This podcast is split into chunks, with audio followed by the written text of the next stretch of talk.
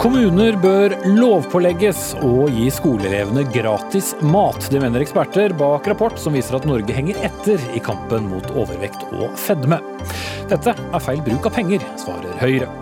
Norges kong Olav han var en ensom engelsk prins som måtte bli norskest av de norske, forteller ny bok. Høyres klimapolitikk vris mot venstre, tordner FrPs Jon Georg Dale, mens Høyre svarer kort og godt det at dette har ingen rot i virkeligheten.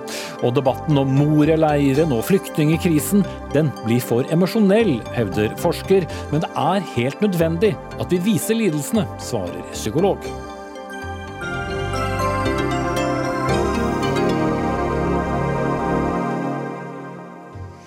Da sier vi god kveld og velkommen til ukens midterste Dagsnytt 18-sending med Espen Aas, der vi også skal diskutere hvorvidt den økte barnetrygden hjelper de fattigste, og om forslaget fra Høyre om å droppe 1 %-målet for bistand tas godt imot i resten av regjeringen. Men først skal det handle om eh, mat og skolemat. Kommunene de bør lovpålegges å tilby elevene gratis skolemat. Det mener altså eksperter bak en ny rapport fra storbyuniversitetet OsloMet, som viser at Norge altså henger etter i kampen eh, mot overvekt og fedme. Og gratis skolemat er altså løsningen dere kommet frem til. Liv Elin to Elin, som også heter Torheim, som er professor ved Fakultet for helsevitenskap ved, ved Oslo OsloMet. Hvorfor er det en løsning mot overvekt og fedme? Ja, eh, Overvekt og fedme og usunt kosthold er jo store utfordringer i Norge. Og For å gjøre noe med det her, så må man begynne med barna. Og Norske barn spiser for lite frukt og grønnsaker, grove kornprodukt og fisk. Og for mye sukker og metta fett og godteri. Og Samtidig vet vi jo at kostholdsvaner og, og, hva man liker og ikke liker, det formes tidlig. Så det er mange grunner til å satse på bedre, å bedre kostholdet blant norske barn. Mm. Og da er gratis skolemat et av flere forslag som den ekspertgruppa har eh, foreslått. Mm. Men hva slags mat snakker vi om da? For det har jo vært mye av eh, denne veldig lange debatten om, om skolemat i Norge. Skal det være varm kylling og fisk? Eh, skal det være frukt? Skal det være brødmat? Hva, hva må til hvis det skal ha noen innvirkning da på, på fedme- og vektproblematikken? Hvis det skal ha noen innvirkning, så må det være sunn mat. Men det kan jo være forskjellige former. Det kan være kald kaldt brødmåltid med frukt og grønnsaker, eller det kan være varm, varme retter. Eh, og det vi eh, foreslår, er at eh, kommunene er med å utforme hva det bør være, ut fra deres behov og forutsetninger. Men hvor dårlig ligger da Norge an med en relativt høyt utdannet befolkning og sine mattradisjoner? Hvor, hvor dårlig er kostholdet? Det er langt unna det anbefalte kostholdet, med, som jeg sa, med de eh, forskjellige matvarene som uh, man får for lite av, og det man får for mye av. Så uh, det er langt lerret å bleke før det blir bra nok. Og da er, da er det viktig å starte, starte med barna. Og Det som også er veldig viktig å tenke på, er den sosiale gradienten.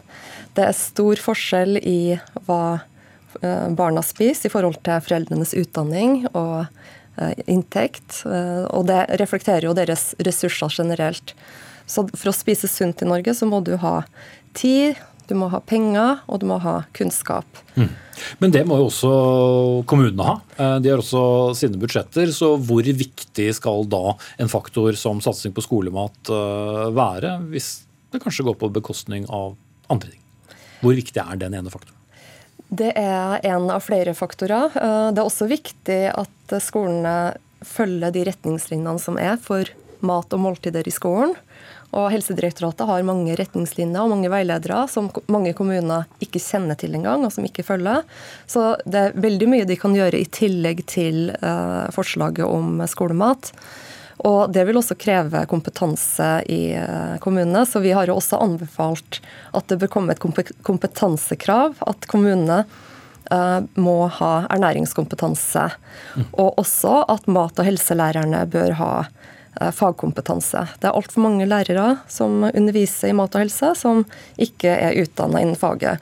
Og det reflekterer jo også på en måte den nedvurderinga av mat og helse og måltid og kosthold, at det blir på en måte alltid prioritert sist. Og så mm. vet vi at eh, altså Helsedirektoratet har estimert at det koster 159 milliarder per år at den norske befolkninga ikke følger kostrådene. Mm. Så da mener man man kan eh, spare inn det. Men bare veldig kort uh, til slutt. Uh, man går jo ti år på, på, på, grunnskole. Hvis man skulle prioritert, uh, hvor er det viktigst?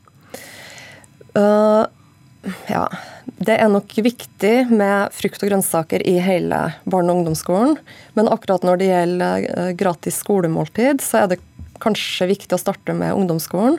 For vi ser at de ofte ikke har med matpakke, og de går ut og kjøper boller og brus på nærbutikken. Mm. Og det er også noe som kommunepolitikerne kan prøve å gjøre noe med. Så det er liksom det å legge til rette for et sunnere kosthold, sunnere matomgivelser i kommunene, det er et ansvar ikke bare for nasjonale politikere, men også for kommunepolitikere. Mm. Og nå tripper det nasjonale politikere i, i studiet. Jeg begynner med deg, Mathilde Tybring-Gjedde fra, fra, Høyre. Dere har jo sjelden vært eh, begeistret for den, for dere sier at dere heller vil bruke penger på noe annet. Ja, altså Høyre er ikke mot eh, skolemat. og Mange av de tiltakene du nå nevner, særlig kompetanse i kommunene og fagkompetanse hos lærerne i mat og helse f.eks., er viktige tiltak. Men når det, kommer til, eh, det kommer til skolemat som en lovpålagt nasjonal ordning, så mener jeg at, eh, at, forskerne her tenker nok litt kortsiktig i skolen. Fordi all statistikk på folkehelse, enten det er fedme, overvekt, ensomhet, utenforskap, så ser man at det er en direkte sammenheng mellom elever som faller ut av videregående skole, og ikke har fått den skolegangen de har krav på. Og Da er det eh, større utføring i norsk skole enn akkurat eh, det at man ikke har med matpakke f.eks. Det har jo faktisk 97% av barna. Men da er utfordringen at man ikke har tilgang til gode nok kvalifiserte lærere i klasserommet. Man får ikke en oppfølging man har krav på. Og i kommunene så må de også prioritere det.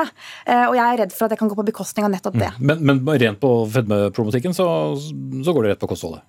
Ja, men der er det jo viktig både aktivitet. altså Vi har jo egne satsinger på både ernæring, SFO og i skolen. Eh, vi har det å være aktivitet, fysisk aktivitet i løpet av dagen.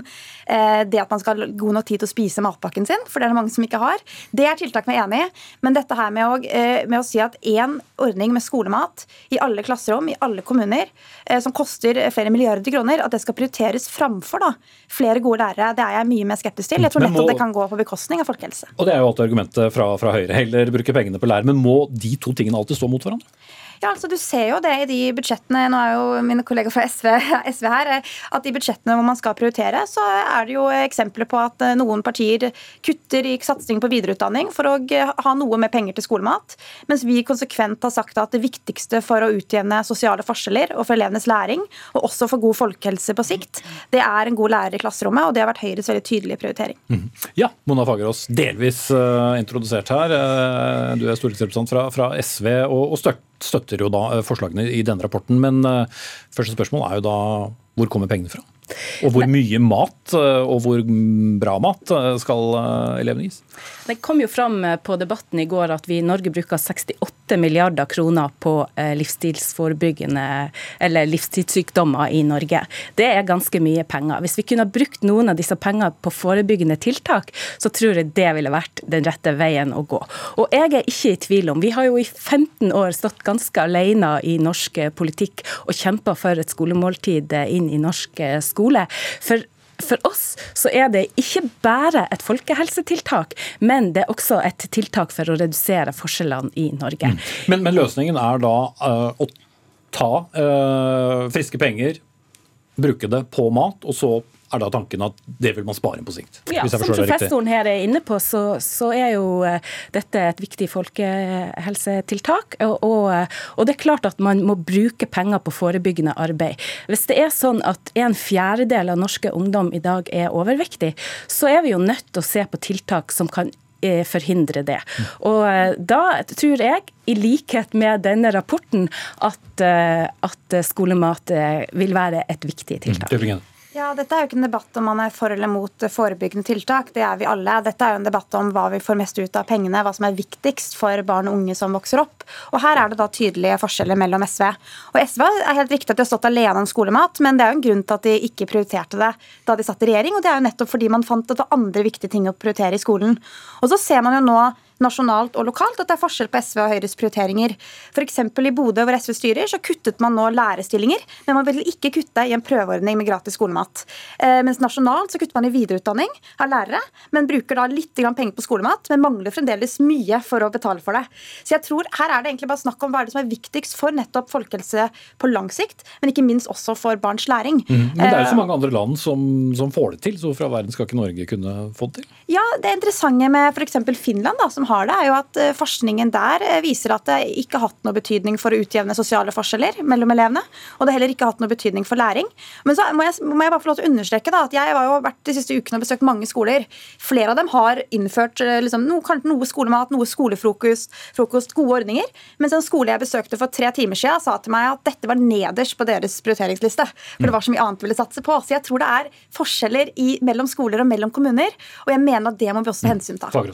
Nei, jeg finner meg ikke i å bli beskyldt for å ikke ha satsa på det. For det første Erna Solberg gjorde da hun ble statsminister, var å ta fra norske ungdom skolefrukten. Og forskning etter skolefruktprosjektet viser jo at disse ungdommene som fikk gratis skolefrukt, de spiste mindre søtsaker, og, og det var en, en, del av den satsinga som SV den gang hadde. Mm. Så Men dere vil ha mer den frukten? Ja, selvfølgelig. Forskning viser jo nå, og nå har vi til og med fått med oss Arbeiderpartiet på, på dette standpunktet. Eh, forskning viser jo nå at hvor viktig dette er, både for folkehelse, men også, og det, og det, er det som er viktigst for oss, at dette er med å redusere forskjellene. Eh, forskjellene i Norge har økt med denne regjeringa. Over 100 000 norske barn lever i fattige familier. Veldig mange barn og unge kommer på skole uten Nå har vi beveget oss fra fedme til uh, ja, fattigdom. Men, men, det her henger jo sammen, ikke sant. Det, det er mat, uh, mat i skolen er viktig av mange grunner. Og når så mange barn kommer på skolen uten matpakke, så er det klart at disse barna blir ikke å lære noe mens de er på skolen. Man trenger å være mett og god i magen sin for å klare å konsentrere seg, for å klare å yte, og for å klare å lære i skolen. Og mat og eh, Nei, unnskyld meg, du har, du har snakka veldig lenge. Mat og trivsel henger sammen. Vi er nødt til å klare i verdens rikeste land å gjøre dette som våre naboland tar som en selvfølge. Ja, nei, Det er helt riktig at vi, at vi, fjernet skolefrukten. Da brukte vi den 1 milliard kronen på videreutdanning av lærere, også i praktisk-estetiske fag, også i mat og helse. Nettopp fordi det er så utrolig viktig for, eh, for elevenes læring. Og så skal jeg være ærlig på at når jeg møter elever som har fått, sviktet, fått en spesialundervisning som ikke har vært god nok. Når de ikke har møtt en kvalifisert lærer i sitt klasserom, når de har opplevd at undervisningen ikke har vært tilpasset, så har jeg vanskeligheter med å møte dem med å, med å da skulle forsvare at man innfører en statlig ordning som koster flere milliarder kroner, som er veldig lite målrettet for å utjevne sosiale forskjeller. Det, er, det, mener jeg er vanskelig å stå i som politiker. Så er det helt, helt redelig at vi har forskjellige prioriteringer, men jeg, vil, jeg mener nok at de, de, satsingene vi gjør i skolen, på læreren, på tidlig innsats, på lesing, skriving og regning, eh, og også aktivitet og gode god næring, er med på å sikre at vi klarer å utjevne forskjellene på en bedre måte. og løfte men, men, ikke, men, ikke, men ikke fedme. Uh, Fagerås, veldig kort slutt. Ja, nå, nå, har antall ufaglærte lærere økt hver dag denne regjeringa har sittet. En undersøkelse VG hadde gjort, viste at 15 av lærere Nå hører jeg du begynner en helt annen diskusjon. Ja, nå, nei, men, for du snakker om kvalifiserte lærere. Jo, men vi snakker om fedmeproblematikk ja. og, og skolemat, og den diskusjonen du begynte på nå, får vi ta en annen gang når vi inviterer til det. Så da sier jeg takk til Mona Fagerås fra SV, Mathilde Tybring-Gjedde fra Høyre og Liv Elin Thorheim fra Oslo OsloMet.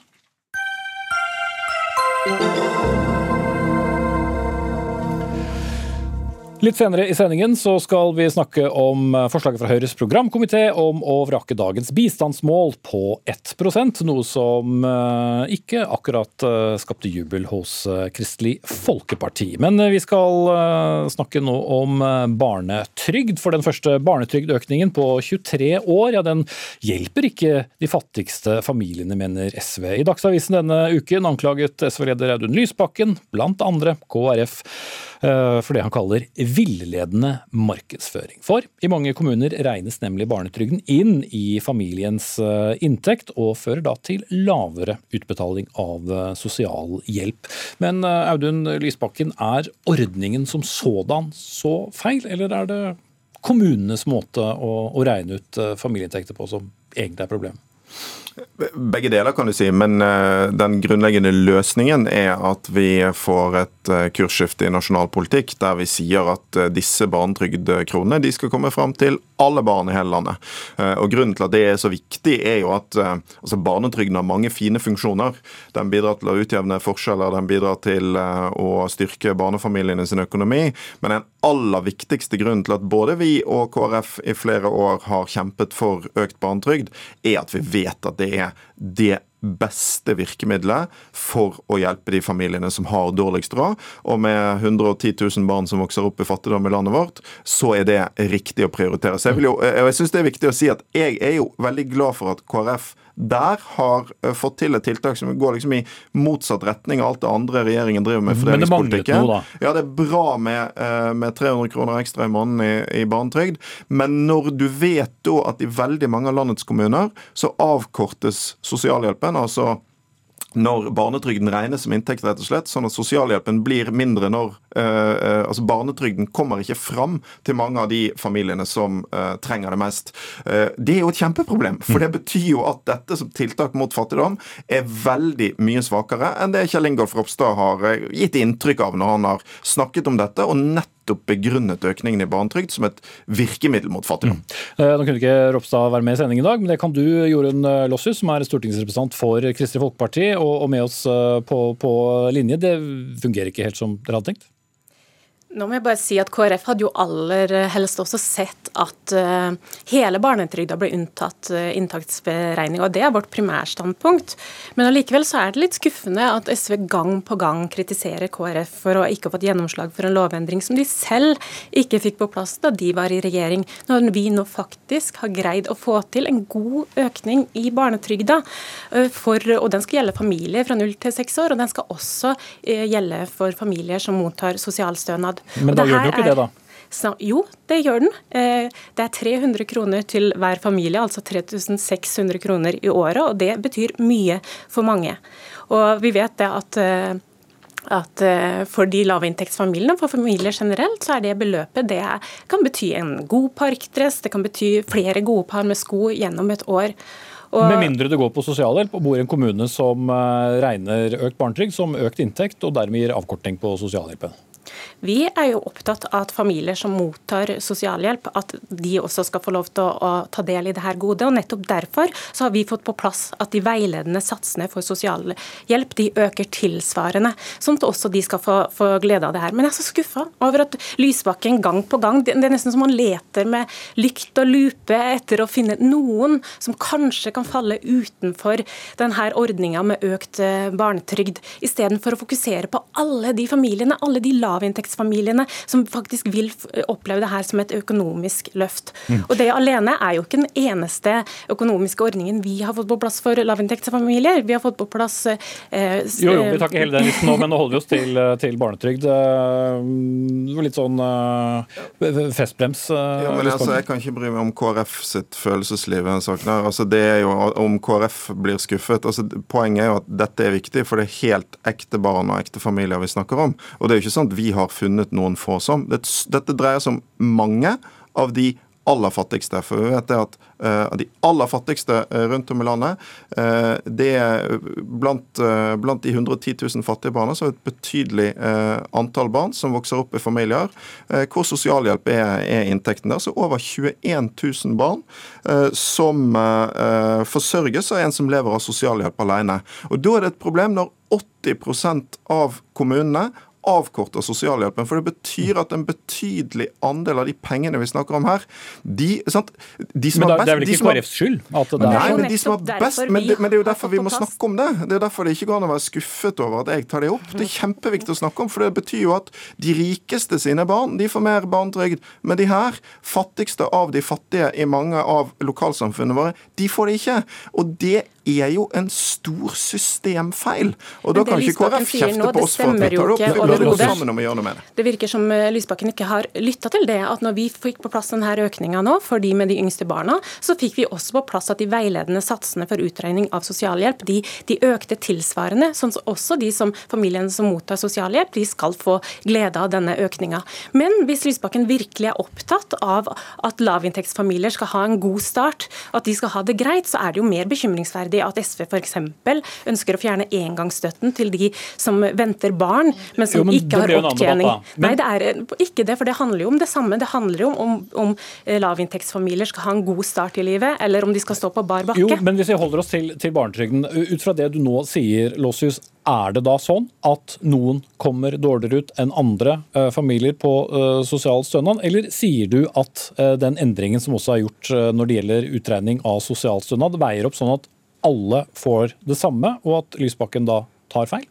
Den, den, den, ordningen vi har fått på plass nå, med at sosialhjelpsstønaden, de satsene skal øke tilsvarende, den vil sikre at de aller, aller fleste vil få glede av denne økninga. Hvor mange er aller fleste? Det, det, vil jo gjenstå et sted. Vi kan ikke gjøre noe med kommunenes eh, mulighet. De har den, den råderetten til å gjøre sine vurderinger når de skal Og det handler jo om skjønn når de skal utmåle sin sosialhjelp. Men vi har vært veldig tydelige i vår veiledning til de og signalisert en forventning om at det vi nå har fått på plass, det skal gjelde alle, også de som mottar sosialhjelp. Men så langt gikk men, ja, men Jeg er litt skuffet over at Lossius snakker seg rundt problemet. For jeg hadde jo forventet at KrF i hvert fall sa ja, dette er et problem, det må vi prøve å gjøre noe med. Så aksepterer aksepterer jeg at, eh, at, det er vanskelig å få til sånt i, i samarbeid med Høyre. Men, men, ikke snakke seg rundt det, for veiledende satser er nettopp det. Det er veiledende. Det betyr ikke at det blir fulgt. Og vi vet at det er sånn at disse pengene eh, i altfor stor grad mange steder ikke kommer fram til de eh, som trenger det mest. Vi vet også eh, at det er ganske mange av de kommunene hvor KrF har ordfører, som driver med avkorting eh, av sosialhjelpen. Sant? Sånn at, sånn at liksom å, å presentere ja, altså Vi har faktisk vært med på å få gjort noe med dette, bl.a. i de store byene. I mange av de eh, kommunene vi styrer, så det er jeg ganske stolt over. Eh, så, så det er klart at mens vi venter på en endring i nasjonal politikk, så må kommunepolitikerne sette de som er minst først, og få slutt på denne praksisen så mange steder som mulig. Men den eneste måten å sørge for at alle disse pengene kommer fram til de barna som trenger det mest, det er å ha en nasjonal regel om at barnetrygden ja, den skal alle familier få. Eh, men, også men de som trenger trenger Der er dere jo egentlig enig, men uh, ingen av dere er store nok Dette var jo en lovendring som eh, SV ikke greide å få på plass når de var i regjering, og de greide heller ikke å øke barnetrygden med et eneste øre. Så det er jo veldig bemerkelsesverdig at de sitter her og kritiserer. Det, det, KrF vi okay. ønsker, vi, vi, vet vi kan alltids gjøre mer, vi kan alltid få enda mer treffsikre ordninger. Men vi er opptatt av å styrke familiene, og derfor har vi fått på plass mange gode ordninger nå for lavinntektsfamilier. Og vi er da, veldig stolte gjentatt, av den økninga i barnetrygda som vi har fått på plass. Av. Det gjorde hun Lossius med oss fra Kristiansand fra KrF, og Audun Lysbakken, leder SV, med i studio her i Oslo.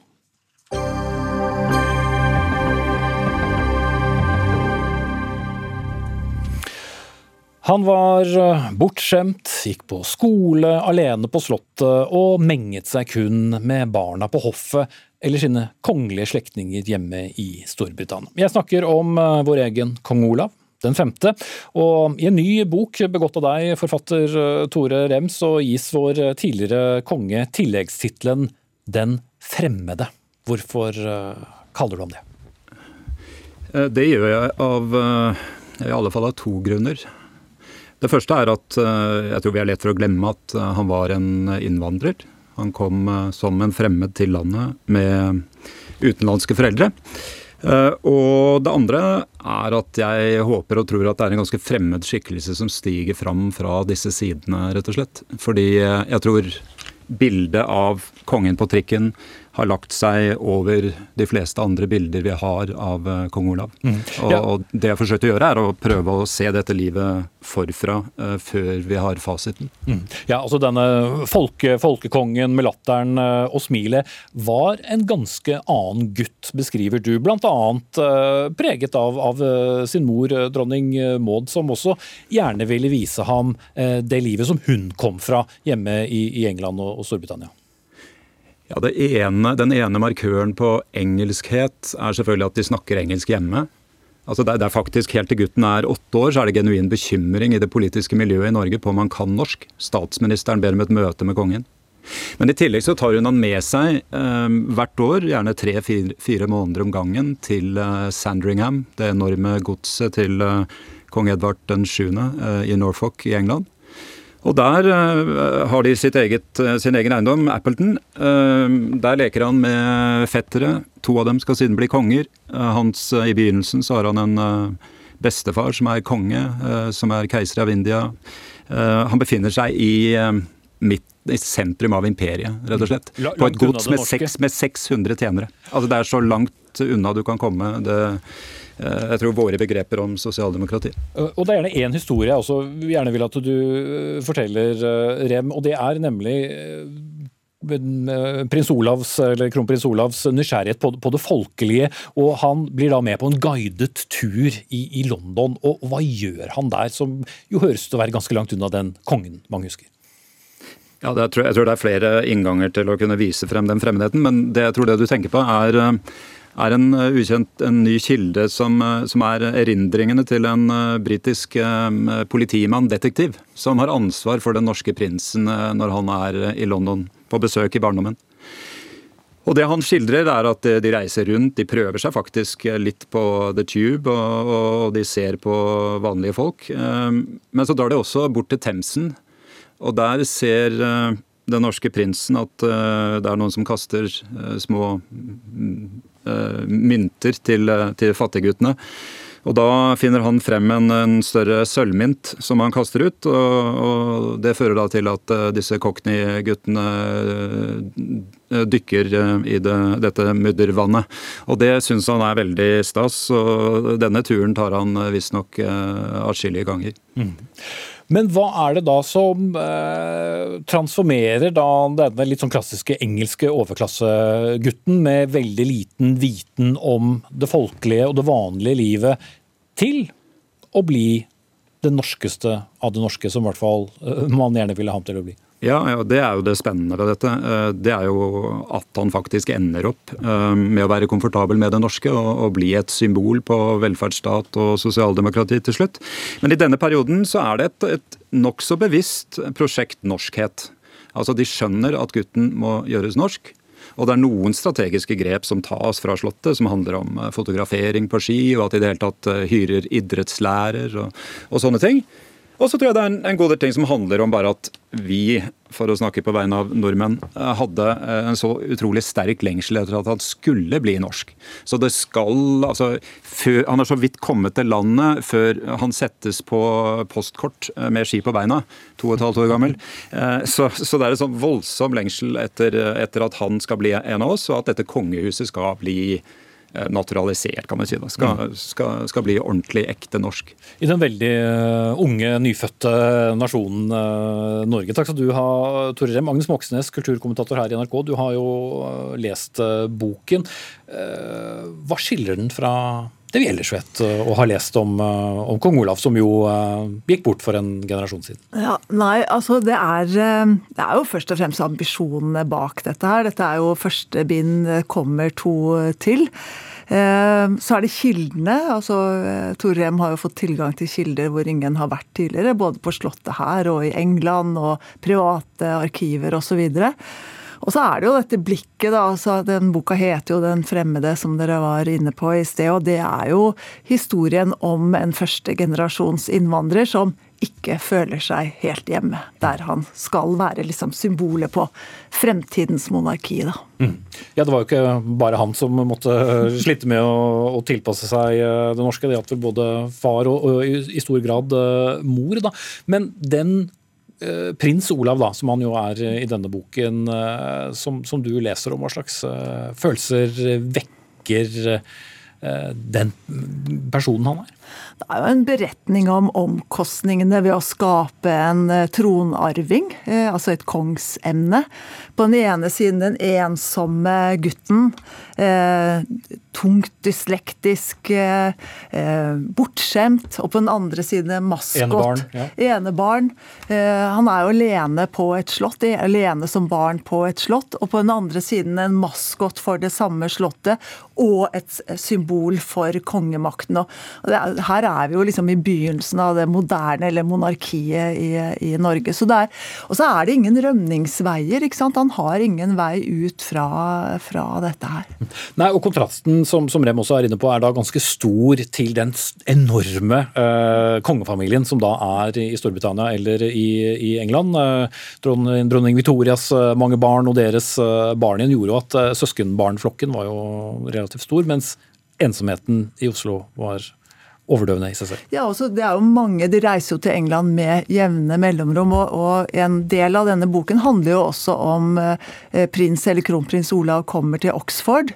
Eh, og rapporten, altså bekymringen fra kong Haakon, liksom klarer denne sønnen, som jo har store vanskeligheter med å uttrykke seg skriftlig og lese også, kommer han til å klare seg. Og det går nok et, et lettelsens sukk gjennom eh, veggene på, eller rommene på Slottet når han faktisk da består til slutt. Boken om uh, kong Olav er jo bare én av flere kongebøker, i tillegg til fjernsyn. Og det er et enormt fokus på, på kongefamilien. Trenger vi alt dette? Ja, Vi trenger det ikke på samme måte som vi trenger vitaminer, men, men vi trenger det fordi at uh, konger er altså De velges jo ikke, de avslutter jo ikke liksom, jobben sin før de dør, og dermed så blir liksom, livsløpet deres en veldig god og interessant måte å liksom, se på sin egen historie på. Og det er jo det som er viktig først og fremst med sånne bøker som dette her. Mm. Og da har det ikke noe å si om eh, de døde for mange tiår siden. Nei, det kan, Hvis man ser det igjen til England, da, så har det jo altså, virkelig bestselgerromaner i, i England er jo Hilary Mantels litt om triologi om, om Henrik den 8. Litt mer dramatisk liv, kanskje. Hadde litt andre påfunn enn uh, Ed Kongeland. Takk skal du ha, Agnes eh, Moxnes, kulturkommentator der NRK, og også store Tore Snare Rem med oss fra Stavanger.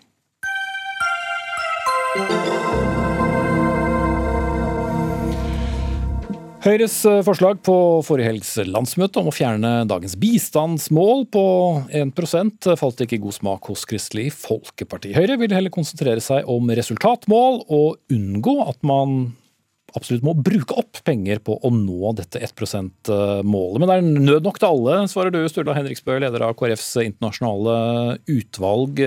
Hvorfor er det så galt å tenke annerledes enn dagens 1 eh, %-mål?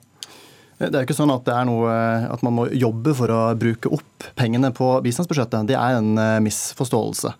Eh, det er en lang kø av eh, gode tiltak som kan redde verdens aller fattigste mennesker ut av fattigdom. Og Grunnen til at man har et bistandsmål forankret i en prosent av økonomien vår, det er jo nettopp fordi at vi skal delta i en dugnad hvor de rikeste landene gir etter evne. Akkurat som vi betaler skatt etter evne. Og Dette er ikke noe nytt, det er ikke noe som KrF har funnet på, eller Norge har funnet på at vi skal ha et eh, bistandsmål. FN etablerte et internasjonalt bistandsmål allerede i 1960, som Norge slutta seg til i 1962, og som vi har holdt på ja, helt siden den tid. Og eh, Senest nå i 2016 så har alle partiene på Stortinget, med unntak av Høyre og Frp, slutta seg til en enighet om at Norge skal gi 1% av BNI hvert år, nettopp for å eh, sikre at ikke noen kommer da og, og hele tiden må vil kutte i bistandsbudsjettet og den, den den eh, viktige innsatsen vi gjør for verdens aller fattigste. Ok, Michael Tetzschner, stortingsrepresentant fra, fra Høyre. Hva, hva, er formålet med å gå bort fra bistandsmålet? Er det for å spare penger, eller hva, hva, ønsker dere? Ja, Nå blir det jo fremstilt som en forandring i vår politikk, men hvis du leser arbeidsprogrammet for inneværende periode, så har heller ikke vi bundet oss til 1% for vi syns det er viktigere å følge pengene og sikre at de har eh, god virkning. Ehm, så er det jo sånn at eh, vi bekjenner oss til et eh, minste eh, nivå for, for bistanden. Og Det er den dugnaden jeg kan være med på at vi skal ha. Og Det er FNs mål på 0,7, det er EUs mål på 0,7. Og når du viser til de rike landene og denne dugnaden vi er en del av, så overpresterer vi i forhold til den med ca. 40-45% Men Sier du at dere vil senke fra 1% til 0,7? Ja, vi, vi, sto ikke inne i det forliket som ble gjort i 2016, hvor man satte ned denne 1% Og Vi syns at med den usikkerhet som er om norsk økonomi og internasjonale forhold, så er det riktig at Stortinget ikke binder seg opp til eh, et prosentmål eh, som eh, innebærer en overprestasjon langt over de rike landene som vi er, er enig med min motdebattant her, at vi skal være med på en dugnad. Tyskland ligger på 0,7. Eh, Sverige er det eneste som ligger på Norges nivå. Ellers så ligger Finland de ligger på halvparten. Mm. Danmark ligger på EUs snitt 0,7. Det gjør England også. Mm. Men uh, Henriksberg, er ikke også litt av poenget eh, hvordan pengene brukes og hva man får ut av dem, enn nødvendigvis et fast prosentmål? Ja, Det er det viktigste. Det viktigste er at pengene kommer fram til folk som trenger det. Og med det kuttet som, som da Høyre da ønsker, så betyr det 11 milliarder mindre penger til verdens aller mest sårbare og fattige mennesker. Mens mennesker som, som dør av sult, dør av sykdommer som lett kan forhindres med en vaksine. Som ikke, barn som ikke får gå på skole. Og det, det syns jeg er trist. Du sier, Mener du nå direkte at Høyre da vil på en måte ta fra maten til de fattigste? Ja, og ikke nok med det. Men nå har jeg jo lest dette programforslaget fra, fra Høyre. Men ikke bare skal man kutte da bistand i, i, i pengemengde, men man skal flytte pengene vekk fra de aller fattigste menneskene. Vekk fra helse, vekk fra utdanning, over på eh, ren verdenshav, altså plast, sanke plast langs havet. Så man, man tar eh, bort penger fra de aller viktigste formålene, og så skal man bruke det på å løse globale fellesgoder, som jo selvfølgelig er viktige, men som ikke er det viktigste. Hvorfor er det viktig at pengene tas nettopp derfra? Ja, dette er helt galt. For Vi har jo ikke sagt at vi ikke skal være på omtrent samme nivå i dag. Vi bare sier at prosjektene må tale for seg selv. Og de 40 milliardene som vi bruker av norsk økonomi i utlandet til dette, de går jo ikke til de gruppene som det fremstilles her også. Det er mange eh, prosjekter som eh, både kunne vært drevet frem eh, mer effektivt og med større krav til eh, resultater. Jeg sa noe galt i sted, nemlig at eh, Tyskland lå på null styr. De ligger på 0,6, og okay, Finland ligger på 0,45. Og har variert eh, rundt, rundt det. Jo, det, det er nå så, så, tallene. men du viser jo bl.a. til usikkerhet i, i, i, norsk økonomi. men er det riktig å ta det fra bistandsbudsjettet for å sikre ja, egen fordi det, Disse bindingene de fører jo til at man eh, båndlegger eh, Stortingets eh, handlefrihet. og Det er Stortinget som etter Grunnloven bevilger pengene. og Da må man også se innenlandske formål som er presserende, og som også kan gjelde sårbare og svake grupper, i sammenheng med totaløkonomien. Mm. Henriksbø, Hvis man er litt mer resultatorientert, da, som, som Tetzschner mener er et poeng, vil man ikke da også gi norsk bistandspolitikk mer troverdighet enn at vi bruker så mye penger, men at det er lettere å vise til hva eh, vi har fått ut av det. Ja, nå setter jo Tetzschner det å være opptatt av resultater og det å ha et høyt nivå opp mot hverandre, som om det ikke var noe som, eh, som, man kunne oppnå samtidig. Men det er jo ganske inkonsekvent. fordi at eh, Høyre har jo samtidig et, et, et mål om å ha et forsvarsbudsjett på 2% av BNP. Og eh, at forskning skal være 3% av BNP. Men jeg mistenker jo ikke Høyre for, for, å ikke være opptatt av resultater i forskningen eller resultater i forsvarsbudsjettet. Så her kan man ha to tanker i hodet samtidig. Og, Veldig populært i politikk. Ja. og Norge er ledende i verden på de resultatene vi får. Vi kommer eh, på en av de høyeste plassene på internasjonale indekser om resultater i bistanden. Mm. Ja, Norsk bistand er jo kjent over uh, hele verden. Sender vi ikke også et signal da til andre land uh, i verden om at uh, trenger ikke å holde oss til uh, det målet? Ja, det måtte i så fall være at vi, vi slutter å bevilge 45% mer enn det de andre landene syns er solidarisk. Når det gjelder den 2% til Forsvaret, så er, Wales, er det et Wales-vedtak som, uh, som, har med en allianse for, for ja. ja. og Dessuten er det mye klokere formulert, nemlig at man arbeider hen imot 2 nemlig at uh, man kan komme, komme etter over tid. Det er en tiårsperiode. Og eh, Slik sett så, så, viser også dette at det er en større fleksibilitet i det vi er sammen om i Nato som et felles uh, opplegg, og hvor det er veldig viktig at landene uh, legger sine ressurser sammen på en sammenlignbar måte. Men her er vi faktisk alene om å overprestere, så jeg vil heller sammenligne de to prosentene med EUs mål på 0,7 og FNs anbefaling om det samme. Jeg tror ikke vi blir enige om det her nå. Takk skal dere ha, Sturla Henrik Spø, leder av KrFs internasjonale utvalg, og stortingsrepresentant Michael Tetzschner fra Høyre. Hør Dagsnytt 18 når du vil. Radio NRK Radio.nrk.no.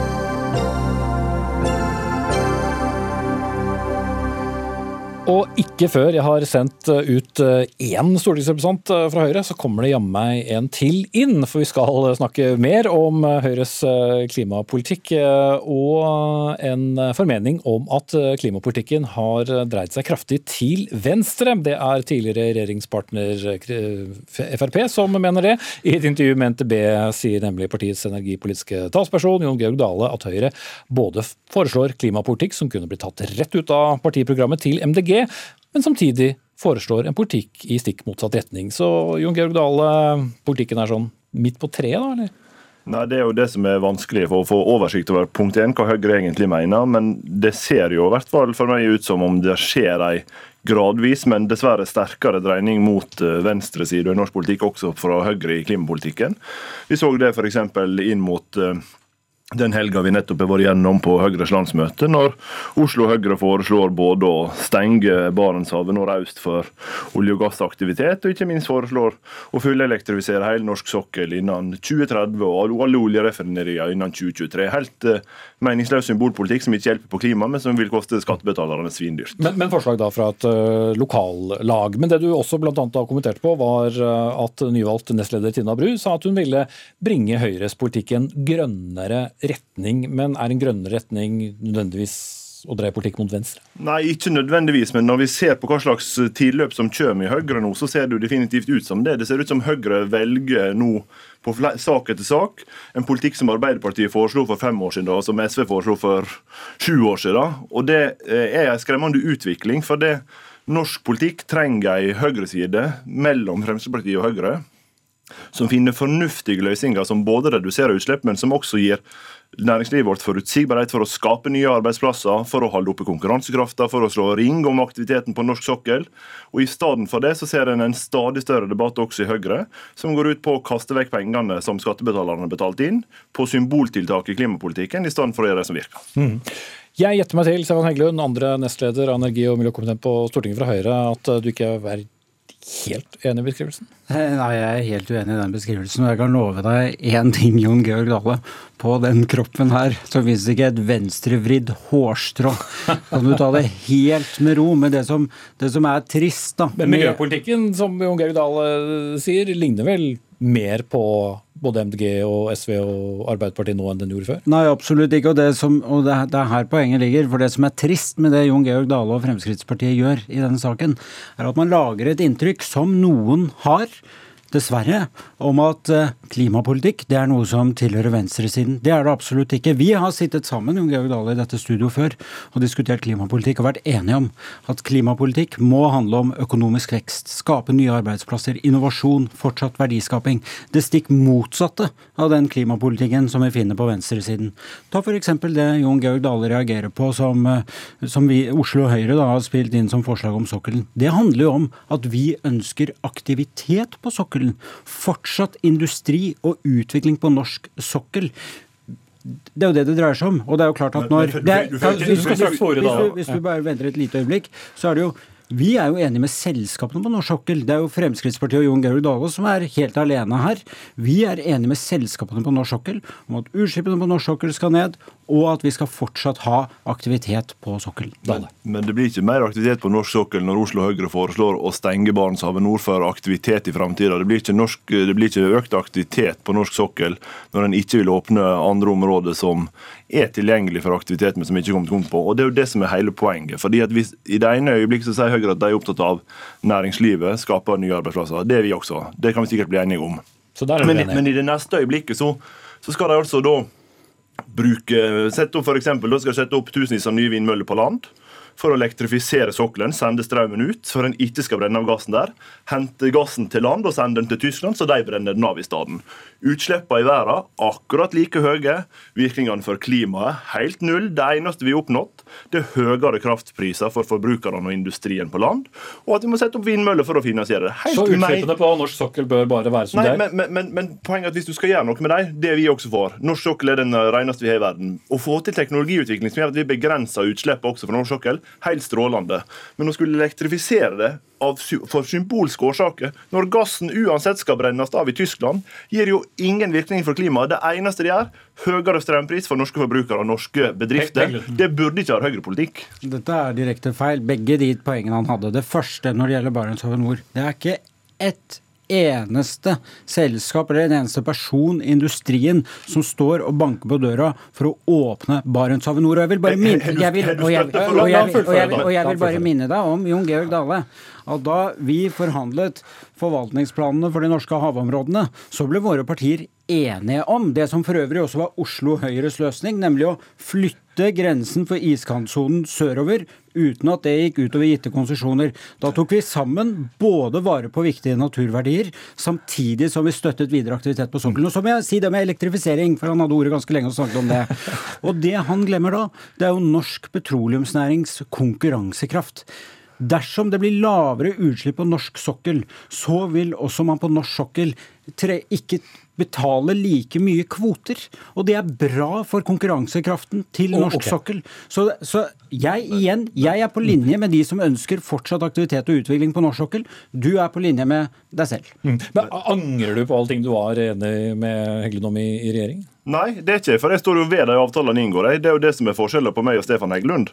Når han prøver å gjøre et poeng at vi ble enige om iskantsonen eh, tidligere i år, så er det helt rett. Jeg står ved det. Det er Høyre som sier at nei, men nå vil vi verne områder nord for den linja som vi trakk opp. Det var aldri tema. Det har aldri hatt støtte fra industrien. De har sagt at vi trenger ikke å åpne det nå. Men naturligvis er det et område vi kan fortsette å lete i. Vi ble jo sågar enige i den avtalen om at hvis det finnes felt, som f.eks. russerne også ser på grensekryssende i de områdene, så skal norske myndigheter sette i gang for å se om vi skal utvinne det. Det er jo det Høyre nå sier. Nei, det må vi ikke gjøre. Vi må verne disse feltene. Det er, da, det er da jeg mener dere tar sjumilssteg mot venstre. Og hvis du nå kan avvise det, avfeie alt dere har sagt de siste 14 dagene, det har vært en fornøyelse å være vitne til. For det er det som det burde ha gjort for å sikre en troverdig klimapolitikk. Nei, det, nei det, akkurat den fornøyelsen får du ikke, Jo Georg Dale. Men det du får, er at vi selvfølgelig står på de avtalene vi har gjort. Og det du sa om grenseområdene, det er helt riktig. Men å liksom sitte her og skape et inntrykk av det er et massivt ønske fra norsk petroleumsbransje å åpne Barentshavet nord, det er helt feil. Og det andre da som du det, det andre da som du ikke svarer på, er hvorfor er ikke du mer opptatt av konkurransekraften til norsk sokkel? Hvorfor syns ikke også Jon Georg Dale og Fremskrittspartiet det er bra hvis man på norsk sokkel må betale mindre for kvoter fordi at utslippene går ned? Og Det er derfor din argumentasjon henger ikke sammen. Jeg vil ha aktivitet på sokkelen. Jeg vil skape et hydrogeneventyr på norsk sokkel okay. med de norske selskapene. Havvind osv. Du vil ikke gjøre noen ting. Det Der er det som er ble problemet. det et punktum. Du fikk starte, Heggelund fikk runda. Jon Georg Dale, miljøpolitisk talsperson fra Fremskrittspartiet, og Stefan Heggelund fra Høyre.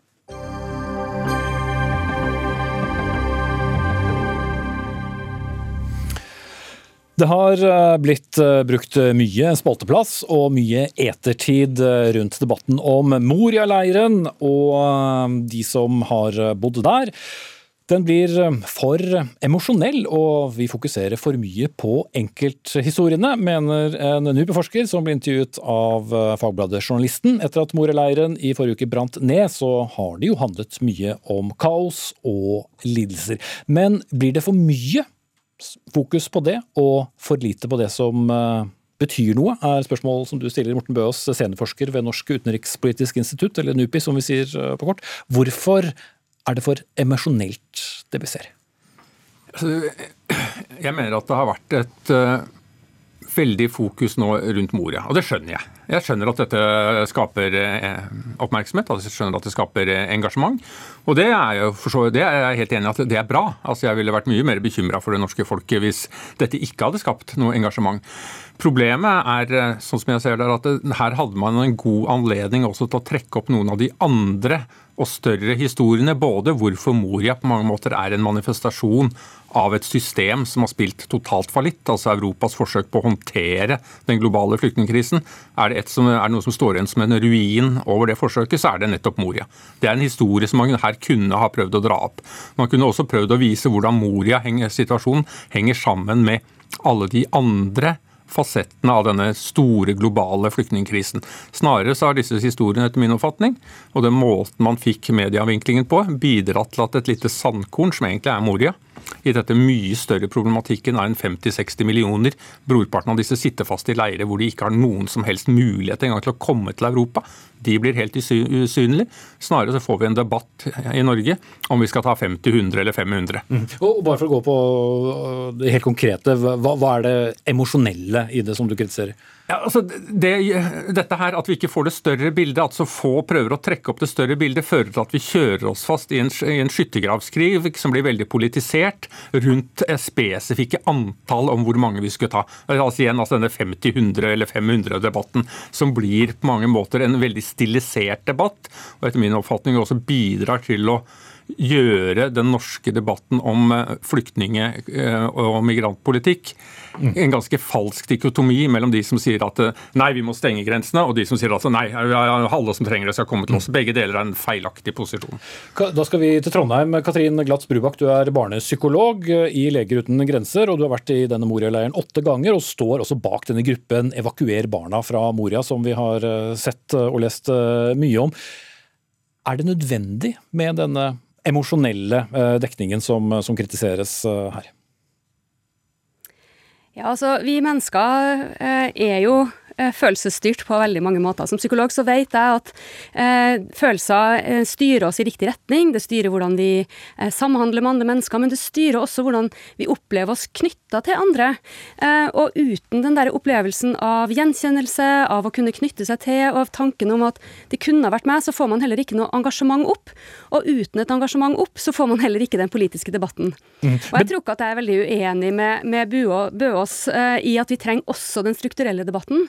Uh, men når EU-kommisjonen i dag uh, Eh, at de ønsker å legge Dublin-avtalen død, som jo er, er, mye av bakgrunnen for det trøbbelet vi ser i Europas flyktningpolitikk, så tenker jeg at det kommer nettopp fordi at det har vært rapportert om betingelsene, fordi at man har fått et folkelig engasjement som har løfta den politiske debatten. Mm. Så vi men, må ha begge deler, tenker jeg. Men debatten, som, som Bøs påpeker, handler da om én øy i Hellas og de som er der, men vi snakker da ikke om veldig mange andre flyktningleirer som f.eks.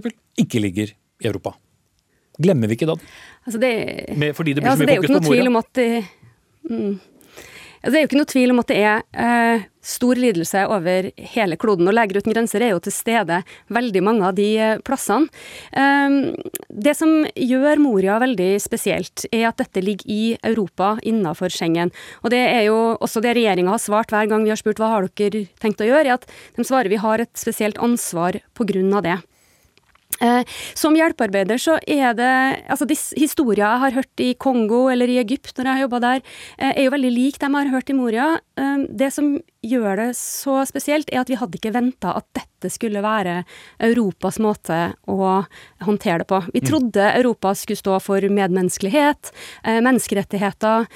Vi har en veldig stygg historie tilbake til andre verdenskrig, hvor vi sier aldri mer skal vi oppleve at vi behandle medmennesker så inhumant, og så skjer det likevel på europeisk jord. Mm. Um, okay. Sånn at det å ja, jeg, ja, men, men det for det å, jeg, jeg forstår det, men vi skal diskutere komme inn om et par andre momenter her også. og, og, og oss, Hvis vi holder oss til, til Moria, da, eh, er det også en problematisering av hva som skjer videre, som også mangler her? Altså med, med de som eh, da ville blitt asylsøkere til f.eks. Norge, enten de da er 50, 60 eller 500?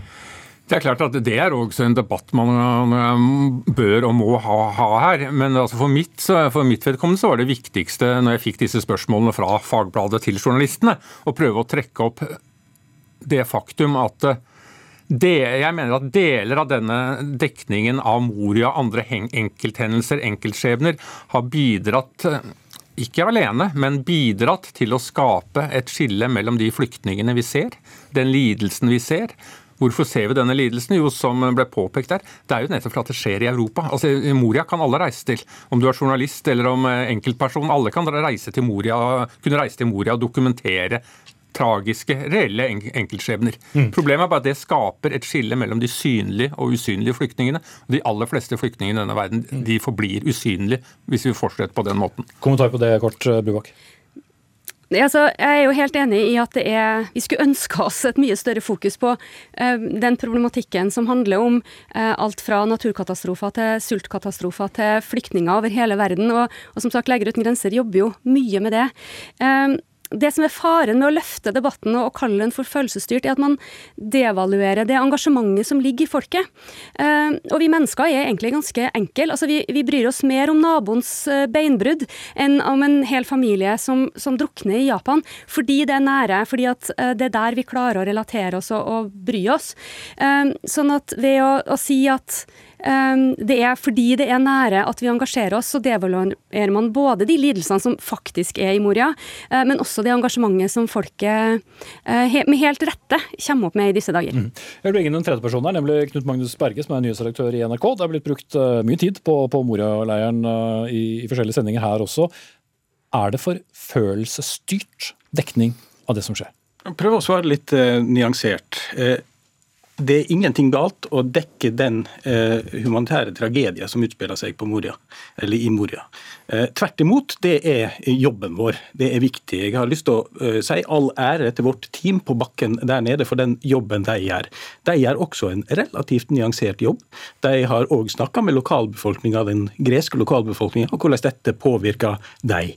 Men jobben vår stopper ikke der. Vi må også utvide perspektivet. Vi må bringe inn nye stemmer. Vi må gjøre på en måte det som blir etterlyst her. Og her sitter vi da og gjør akkurat det.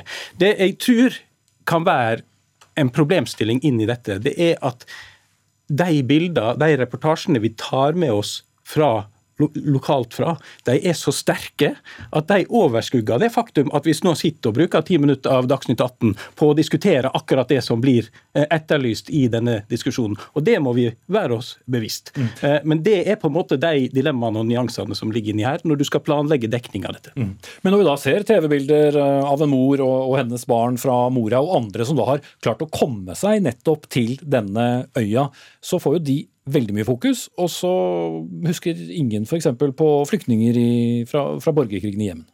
Ja, det var jo akkurat det dilemmaet som jeg prøvde å, å, trekke opp her. Og det er jo eh, for så vidt eh, riktig, men det gjør ikke at det å dekke Moria er feil.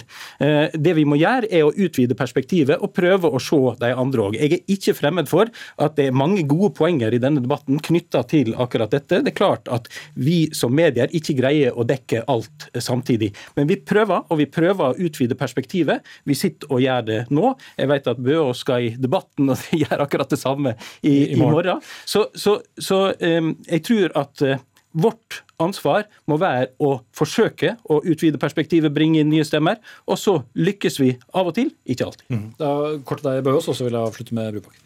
Ja, men altså, Det er nettopp det jeg har etterlyst. Altså, Jeg har overhodet ikke sagt at man ikke skulle dekke Moria. Altså, Det ville vært helt feil at man ikke skulle dekke Moria når Moria brenner ned. Men at nedbrenningen av Moria, eh, det som skjedde rundt dette, her, var en ypperlig anledning også til å løfte blikket både mot den systemkrisen som ligger bak hvorfor Moria ble etablert i utgangspunktet. Det, dere, det, var veldig bra det dere gjorde når dere også trakk inn de lokale greske stemmene. For det er noe som ofte glemmes helt i disse debattene, at det er en vertsbefolkning som også får, som, som, dette får konsekvenser for. Og ikke minst at det er en mulighet til å løfte det mye større globale spørsmålet om 50-60 millioner mennesker. 20 sekunder til slutt, eh, Brubakk. Ja, Vi er jo helt enige om at eh, media har en eh, utfordring med å løfte blikket ut og opp, og det vi jo, prøver vi jo på, alle vi som jobber i eh, hjelpebransjen.